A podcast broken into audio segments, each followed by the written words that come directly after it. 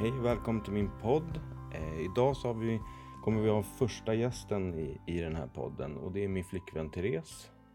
Eh, och vi ska väl höra lite om hennes synvinkel och hur det ser ut för henne som också har, har eller är osynligt sjuk. Hej Therese! Mm, hej! Ja, då tänkte jag fråga, vad har du för sjukdomar? Ja, ja eh, för det första så har jag eh, fått fibromyalgi eh, och ADHD eh, diagnostiserat i vuxen ålder.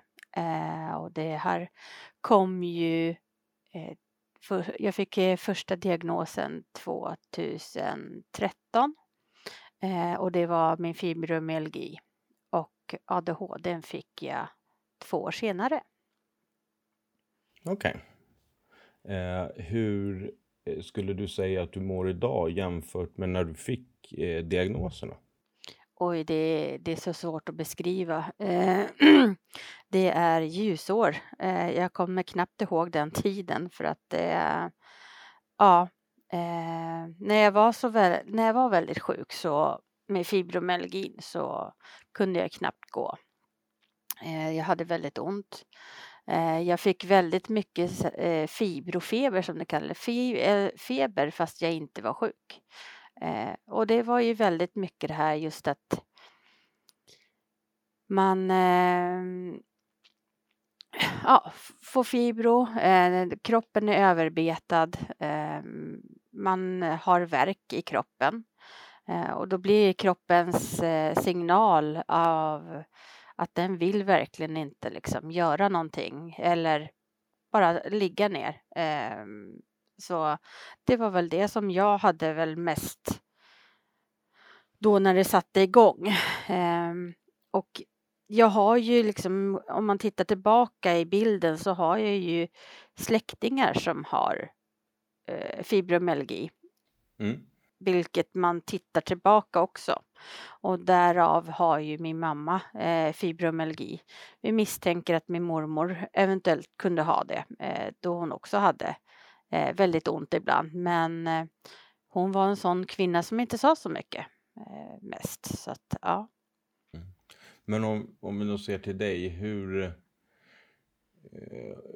hur påverkade det dig då? då? Alltså, vad gjorde att du fick att söka för den här diagnosen? Eller ja, för att söka för att du inte mådde bra måste det ha varit. Men hur, hur såg det ut då? Ja, alltså det var ju mer att jag hade ont hela tiden. Jag kunde ju inte, eh, vissa dagar kunde jag inte ens gå till jobbet. Jag hade sån verk så att eh, det slutade ju med att jag fick ju gå käpp, med käpp ibland. Eh, ibland var jag totalt sängliggandes fast jag ville vara uppe. Men jag kunde inte för det var sån, sån verk. Ja. Eh, på den tiden bodde jag inte i Stockholm utan då bodde jag i Linköping.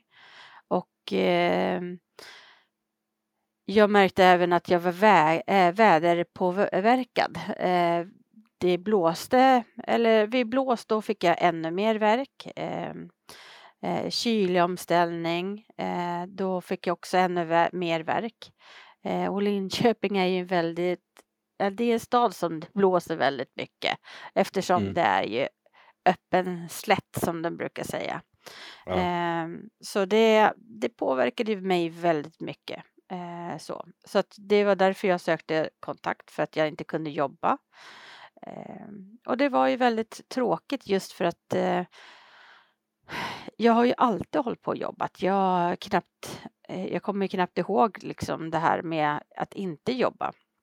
Mm.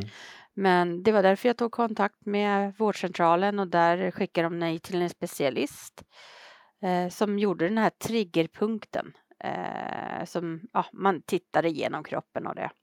Och där eh, så, så, så sa man det att jag hade ju nedsatt eh, väldigt mycket mer på vänster sida än högersidan och det var väldigt ovanligt. Eh, och det visade sig sen, jag blev skickad till smärt och rehab i Linköping. Ja. Där jag fick väldigt mycket hjälp sen. Hur mm. man skulle gå tillväga inte bli symptomfri men hur man kunde få hjälp på olika sätt. Eh, Mm. vilket bidrog till att eh, jag lärde mig att handskas med smärtan på ett annorlunda sätt när jag hade som värst. Men det var inte lätt kan jag säga. Men hur påverkar den dig idag då, mot, jämfört med då? Alltså verken? Eh, ja, för det första har jag gjort en helt ny omställning. Jag har gjort ett eh, skifte med både att jag har flyttat tillbaka till Linköping, eller vad säger jag, till Stockholm. Eh, och ehm, bara där är en sak som har gjort att mindre verk. Jag har, jag sover fruktansvärt, eller jag sover mycket, mycket mer än vad jag gjorde då. Okej. Förr Mm. sov jag en timme per natt, ungefär en till två timmar per natt, vilket jag sover mycket, mycket mer i dagsläget. Jag Mm. har bytt yrke. Eh, när, när jag jobbade i Linköping så jobbade jag både som undersköterska och kock, eh, Okej. vilket jag inte gör idag. Idag jobbar jag som försäljare. Eh, jag har brutit upp med ett förhållande som inte var jättebra. Eh, eh, fysiskt, eller psykiskt menar jag. Eh, där det tog väldigt mycket på krafterna på mig. Eh, så. Så att eh, bara att göra en livsförändring har ju gjort att jag mår mycket, mycket bättre idag. Eh, plus att jag, jag tänker nog mer på vad jag gör eh, i, i stora hela och sen är det det att jag har tagit bort väldigt mycket energitjuvar eller saker som eh, snor energi från mig. Eh, så eh, har jag gjort av med. Så. Mm. Eh, ja, nej, men jag har gjort en totalt förändring och det här gjorde jag ju för två år sedan. Men det finns ju fortfarande arbete kvar. Eh, jag, har ju ont ibland men eh, det är ju mest på grund av vädret. Eh, så. Eller när jag har stressat för mycket. För det påverkar ju kroppen direkt. Men... Ja, för det, för det man ska säga är ju att du har gått från att ha varit sjukskriven i princip heltid till att idag jobba till att idag jobba heltid istället. Vilket är en ganska stor resa som inte de flesta lyckas göra om man nu väl är sjuk. Mm, nej, exakt. Och där tror jag ju liksom, jag säger inte alla kan göra den eh, här resan heller, utan det var ju så att när jag var som sjukast, då ville ju Försäkringskassan eh, göra så att jag skulle få eh, ja, bli heltids eh, sjukpensionär eller eh, idag heter det något annat. Eh, Men- Sjukersättning Ja, sjukersättning. Eh, men jag vägrade. Eh, utan jag tyckte att det fin- fanns ett annat jobb och jag har ju alltid haft ehm, och då vill jag säga att jag jobbade som undersköterska på den tiden. Men jag kände att min kropp kunde inte, eh, klarade inte av oregelbundna tider, ehm, olika pass fram och tillbaka. Så att eh, jag eh, gjorde eh, liksom, ja, en karriärskifte där till kock och började jobba på ett äldreboende. Mm. Och ja, det blev väldigt eh, lärorikt för mig där också. Eh, det var väldigt kul eh, och väldigt givande framför allt. Eh, men ja, jag såg ju fortfarande där att det var väldigt mycket. Jag kunde ju gå upp till 75 procent, jobbade heltid, men jag mådde ju, hade ju fortfarande dagar jag inte kunde gå upp ur sängen eh, då.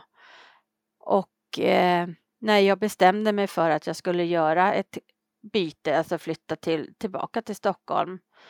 Eh, och ja, det slutade med sen att jag både flyttade till Stockholm, gjorde karriärsbyte och gjorde mig av med väldigt mycket energitjuvar, både eh, förhållandet men även eh, kompisar och sådana saker. Och det har ju lett till idag en jättestor omställning för min kropp, vill jag säga. Mm. Eh, hur funkar det idag med, med för dig att, eh, alltså, vad ska man säga, som de flesta av oss som är sjuka på ett eller annat sätt, att fördela ut sin, eh, energi eller att kunna säga nej? Hur fungerar det då? Mm, det funkar väl sådär kan vi säga. Eh, där kommer ju väldigt mycket min andra diagnos eh, in, ADHD. Eh, där jag kör väldigt mycket eh, all in. Men jag Mm. gör sånt som jag tycker är väldigt kul. Eh, och det jag inte tycker är kul, det gör jag inte så mycket av. Så. Eh, och jag har fått lära mig vissa saker att ehm, och det är ju där. Eh, jag tycker det är jättekul att ställa upp för andra människor, men det måste ge någonting tillbaka. Mm. Eh, men eh, ja, nej, men som sagt, jag, jag kör ju ända in i kaklet. Men där blir det ju så att jag blir ju väldigt trött och Ja. kan så, somna på stående fot, vilket många vet. Har, de som har lärt sig ganska nyligen eller ja, har lärt och även du har ju lärt att känna hur jag liksom Ja, jag, kan somna väldigt Jag- snabbt. ja, jag brukar säga att du gör för mycket även om du inte vill erkänna det själv alla gånger. Ja. Ja. Men jag tycker det är kul och eh, så länge jag kan, orkar och inte går i väggen eh, vill jag säga så kommer jag nog aldrig kunna sluta med det förrän jag eh, ja, förrän jag känner liksom att det tar på mina krafter. Eh, så. Eh, och eftersom jag, när jag gör saker och ting, det är samma sak som mitt jobb, jag älskar ju mitt jobb eh, som försäljare. Och eh, där är, kan det ju bli långa dagar. Men det Ja. finns dagar som det är väldigt lugnt också, där jag inte gör så mycket. Men jag får ju se vårt avlånga vackra Sverige bland annat. Träffa väldigt mycket nya människor, helt underbara och fantastiska människor. Och det ger ju mig också en ork att fortsätta att göra saker och ting som jag tycker är kul. Eh, jag älskar ju mitt jobb som inom serviceyrket för det första. Så att, eh, och det är ju så att det är ju samma sak där. Eh, men jag älskar ju att vara för mina nära och kära. Eh, ibland så kanske lite för mycket på bekostnad på mig själv. Men så länge jag inte mår dåligt av det så kommer jag ju alltid fortsätta. Det är ju lite så. Så jag säger, ibland säger jag ju nej tack till vissa saker som jag kanske skulle tycka var roligt. Men jag känner att vissa saker måste gå först. Så. Ja, jo. Eh, vet du, du, du väldigt bra samtidigt, vilket kanske varken du eller jag upplevt själva det här, att du, du vill alltid vara där för dina barn. Eh, Ja. Det kanske vi inte själva alltid upplevt, men, men, och det, men det kan väl också bli på gott och ont ibland, för ibland så tar du kanske på dig lite för mycket så det blir inte bra i slutändan i alla fall. Det är ju något som jag har märkt i alla fall. Ja. Du, du, du vill så himla väl men, men, men det går kanske inte alltid riktigt hela vägen fram för att man inte orkar. ja. Ja, Men så är det. det är liksom, barnen kommer ju alltid först i första hand. Eh, så. så att eh, ja. Nej, så att, eh, men ja, men som sagt det, det här med ADHD, den den har jag ju liksom för det första liksom hur jag upptäckte det, det var ju genom att eh, att jag kände igen mig hos min ena dotter som fick eh, diagnosen när hon var väldigt ung. Eh, och hon var ju högt och lågt och ingenstans. Eh, vi misstänkte ju redan när hon var liten bebis att eh, här var det någonting som inte var riktigt rätt. Så, eh, så när hon började i tvåan så, och då hade vi redan sökt flera gånger att få hjälp. Men det var ingen som lyssnade på oss eh, föräldrar. Eh, och eh, för de skyllde mycket på att men det var ju bara för att vi hade skilt oss. Jag hade flyttat från en, Stockholm till en annan ort. Eh, men skolan såg det här ganska fort. Ja. Vilket var väldigt skönt. Att de lyssnade på oss faktiskt. Eh, och eh, efter att hon hade fått sin diagnos så eh, var det ju det här på, fri, eh, på smärt och rehab att jag kunde ju inte riktigt sova. Eh, och det var där de sa det liksom att eh, hur kommer det sig att du inte kan sova? Och då hade jag redan provat liksom mediciner och sådana saker och det var ju så här. Jag har ju inte svårt att somna. Det problemet är när jag väl vaknar har jag svårt att somna om. Eh, för då är hjärnan igång. Jo, men det kan väl vi allihopa med ADHD nog säkert eh, alla relatera till väldigt mycket just det där hjärnan som snurrar när man helst inte vill många gånger. Ja, och helst så snurrar det ju väldigt mycket på natten. Så eh, det till och med kunde ju sluta med att jag stod för jag tyckte det var så uttråkad så jag kunde ju till och med ställa mig och baka mitt i natten bara för att liksom få ja, hjärnan att sluta och tänka lite granna. Mm, så. Så att eh, ja, mina barn har ju fått väldigt mycket bakat färskbröd ibland så. Men eh, ja, men eh, det, det är ju också en sak jag har ju fått lära mig att handskas med. Mm. Eh, min diagnos. Det är inte alltid eh, den kan sätta igång mycket saker i huvudet på mig, eh, både på gott och ont. och det gör ju att ja, men själv, den här självkänslan ibland kan ju bli väldigt påverkad. Så. För man intalar sig saker och ting. Fast det kanske inte är så. Men det är ju bara för att hjärnan springer iväg. Jo, men sen ska, man, sen ska man ju säga så också att du är ju ofrivilligt lite grann omedicinerad med, med ADHD också, vilket inte hjälper till med det här med att man hjärnan snurrar och så. Ja. Exakt. Och varför säger jag att du ofrivilligt?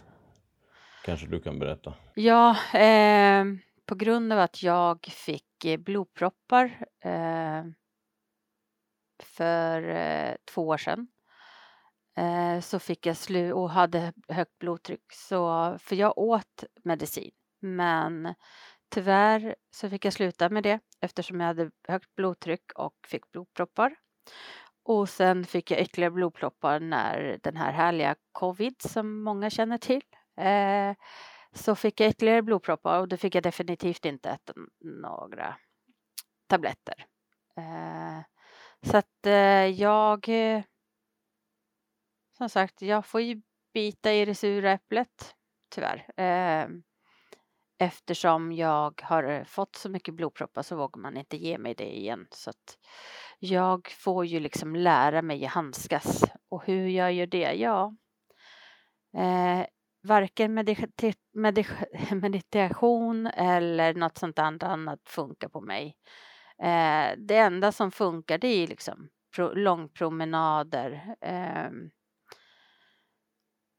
bland annat, eh, bara för att rensa tankarna. Eh, det är oftast det som hjälper mig. Eh, så, eh, komma ut i naturen eller eller göra någonting annat som man tycker det liksom är väldigt trevligt, bland annat spela spel. Eh, kan också göra att man flyr lite grann från det här tänkandet. Så, eh. Ja, och jag skulle nästan säga att flyr är egentligen inte rätt ord där riktigt, utan det är ett sätt att få, få hjärnan att fokusera på någonting istället för att den försöker fokusera på tio andra saker samtidigt som man kanske inte kan göra så mycket åt egentligen. Ja. Eh, ja. Så, så det, det, är väl, det är ju något som jag har använt mig av väldigt länge för, för, för att liksom få, få fokusera på något annat än alla tusen tankar. Ja. Eh, så, ja. Ja, då kan vi överta det här med långpromenader. Där är ju också något som har förändrats för dig relativt nyligen. Ja, eh, jag hade ju en hund som betydde väldigt mycket för familjen. Eh, och eh, ja, han gjorde ju så att man kom ut. Ofrivilligt eller inte så var man ju tvungen att gå ut med sin hund. Mm. Eh, så. Eh, det har ju blivit mycket mindre med den biten också. Eh, men jag har börjat ta upp det spåret igen för jag känner hur jag mår mycket bättre kroppsligt. Men även tankemässigt så, så mår jag ju mycket bättre av att liksom göra saker och ting. Vad menar du med att ta upp det spåret igen?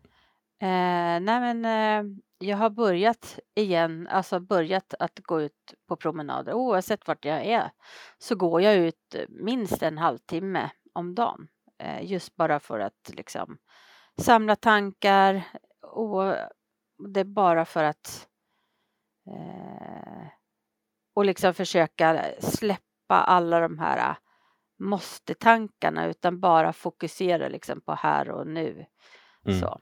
Eh, och det är väl kanske mindfulness det också i sig själv men eh, jag klarar inte av att sitta ner utan jag vill behöva gå. Eh, så. Mm. Mm.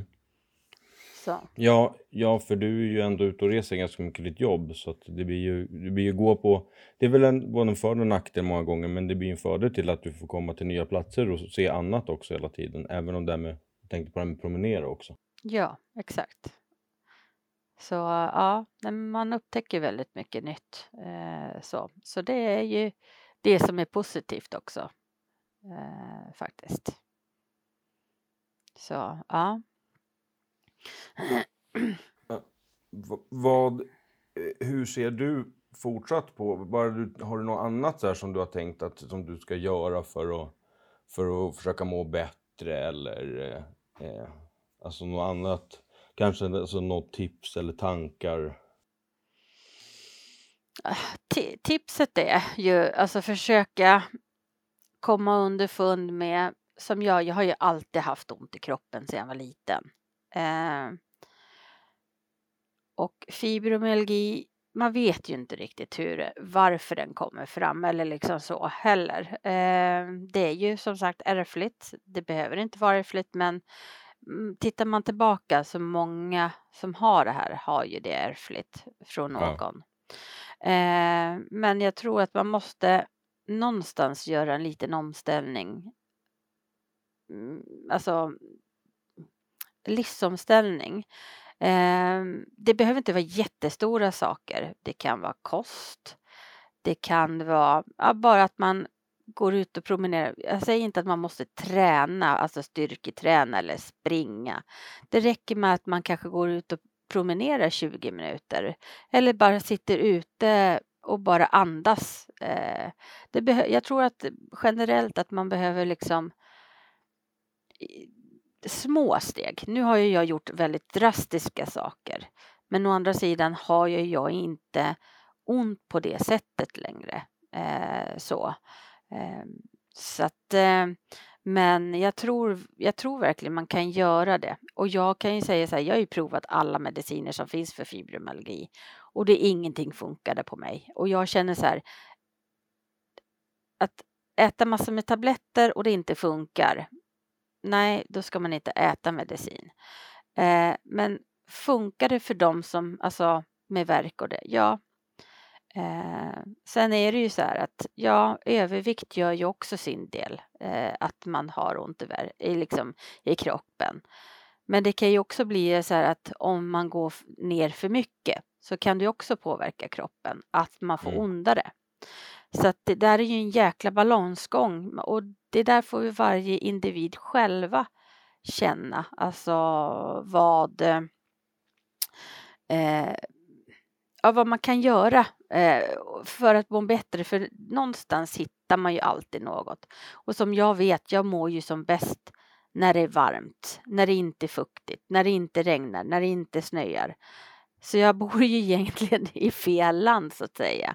Eh, när man tänker så att för att Jo men så, så är det ju generellt ofta skulle jag säga för oss med verk att vi mår bättre av värme. Ja. Och då är det väl inte det här landet det bästa. Men samtidigt, det jag brukar säga är att man måste hitta något som man tycker är roligt som även på något sätt ger fysisk aktivitet. För det hjälper kroppen att må bättre. Ja. Som, i, som i mitt fall, jag har beskrivit i, i, i ett annat avsnitt tror jag i min podd. Det är just det här med att jag hittade det här med VR, alltså virtual reality. Så, som, som gör att jag kan röra på mig samtidigt som jag gör något roligt. Eh, så att jag får endorfiner till exempel i dubbel bemärkelse. Dels får man det när man rör sig men även när man gör något roligt såklart. Ja, exakt. Och det är där lite balansgången är att man måste hitta hitta det man själv och det är inte så alltid vad läkarna säger utan den måste man ju oftast hitta själv och det kan ju vara väldigt svårt eh, faktiskt.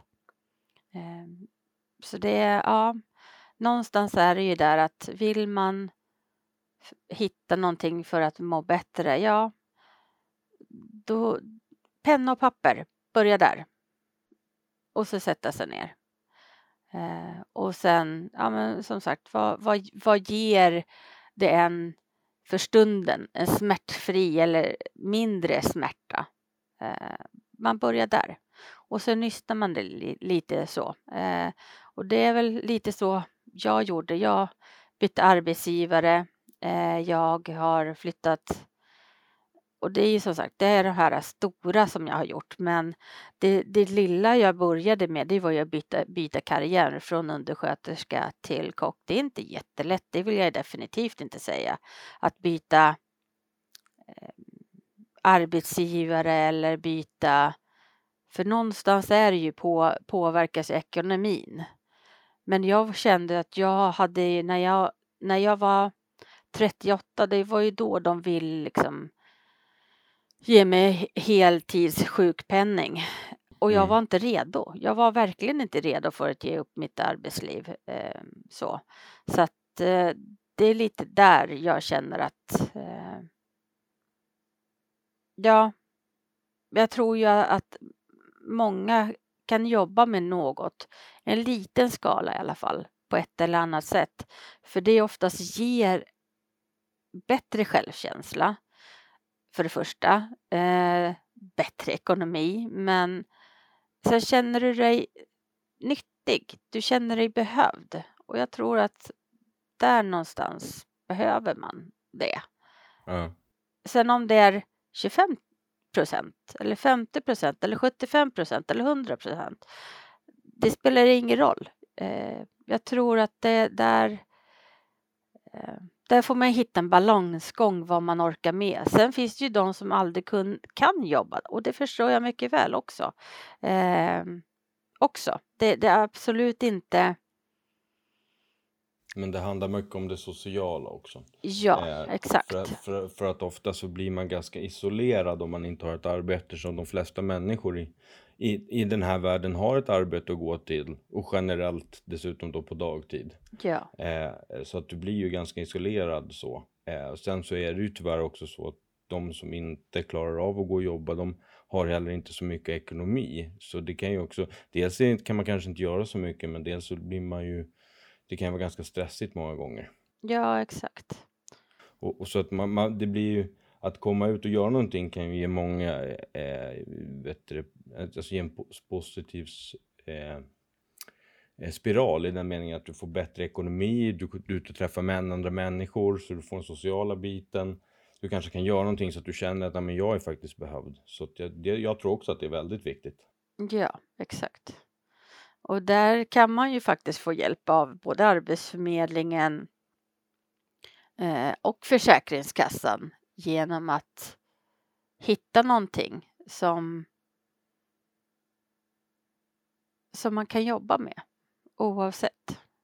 Eh, faktiskt. Ja, ja, ja, det kan man göra, men, men tyvärr så är det väl ofta så att de, de kanske inte klarar att ta hela bollen hela vägen. Så var det i mitt fall.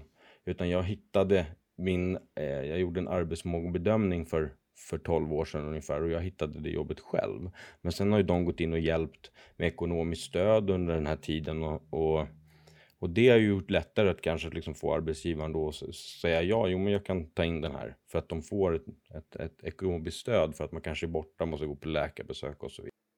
Ja, jo det är sant. Eh, det är ju samma sak som jag. jag mitt kockjobb, det var ju jag själv som hittade det. Det var ju ingen annan och där, men det är just att du kan få den ekonomiska biten.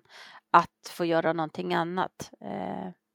Ja, ja, både det ekonomiska för en själv och även eh, för arbetsgivaren. För, för, arbetsgivaren så att det blir lättare för den att, att kunna mm, ta liksom att man kanske inte har samma förmåga som en vanlig anställd eller att man, man måste vara borta mer eller vad det nu än är. Ja, att, ja, det, det, är jättebra att det finns men, men man ska, inte, man ska inte vara rädd att eh, eh, fråga runt själv om det finns någon som kan tänka sig att ta in den. Jag tror att det är många som, som är sjuka och tänker, men vem, vem skulle vilja vara intresserad av min hjälp eller av vad, vad man nu så att man inte, att man vågar liksom inte fråga riktigt heller, men jag tror inte att man ska vara så himla rädd för det utan man kan inte få mer ett nej och till slut så hittar man någon som man får ett ja. Ja, jo nej så att, eh, nej men jag tror att man må, måste, liksom, det finns ju olika delar i allt det här med sjuk, alltså sjukdomar och det och eller diagnoser så att ja, nej men eh, jag har ju sett eh, jag har ju dotter som har jobbat. Hon har ju flera diagnoser eh, och jag har ju sett hur hon har lyckats med olika saker också. Så att eh, ja, det finns hjälp där ute, men eh, den är ju inte gratis utan man måste ju tyvärr oftast kämpa för att få den själv. Så, så det, det är ju inte, men ja.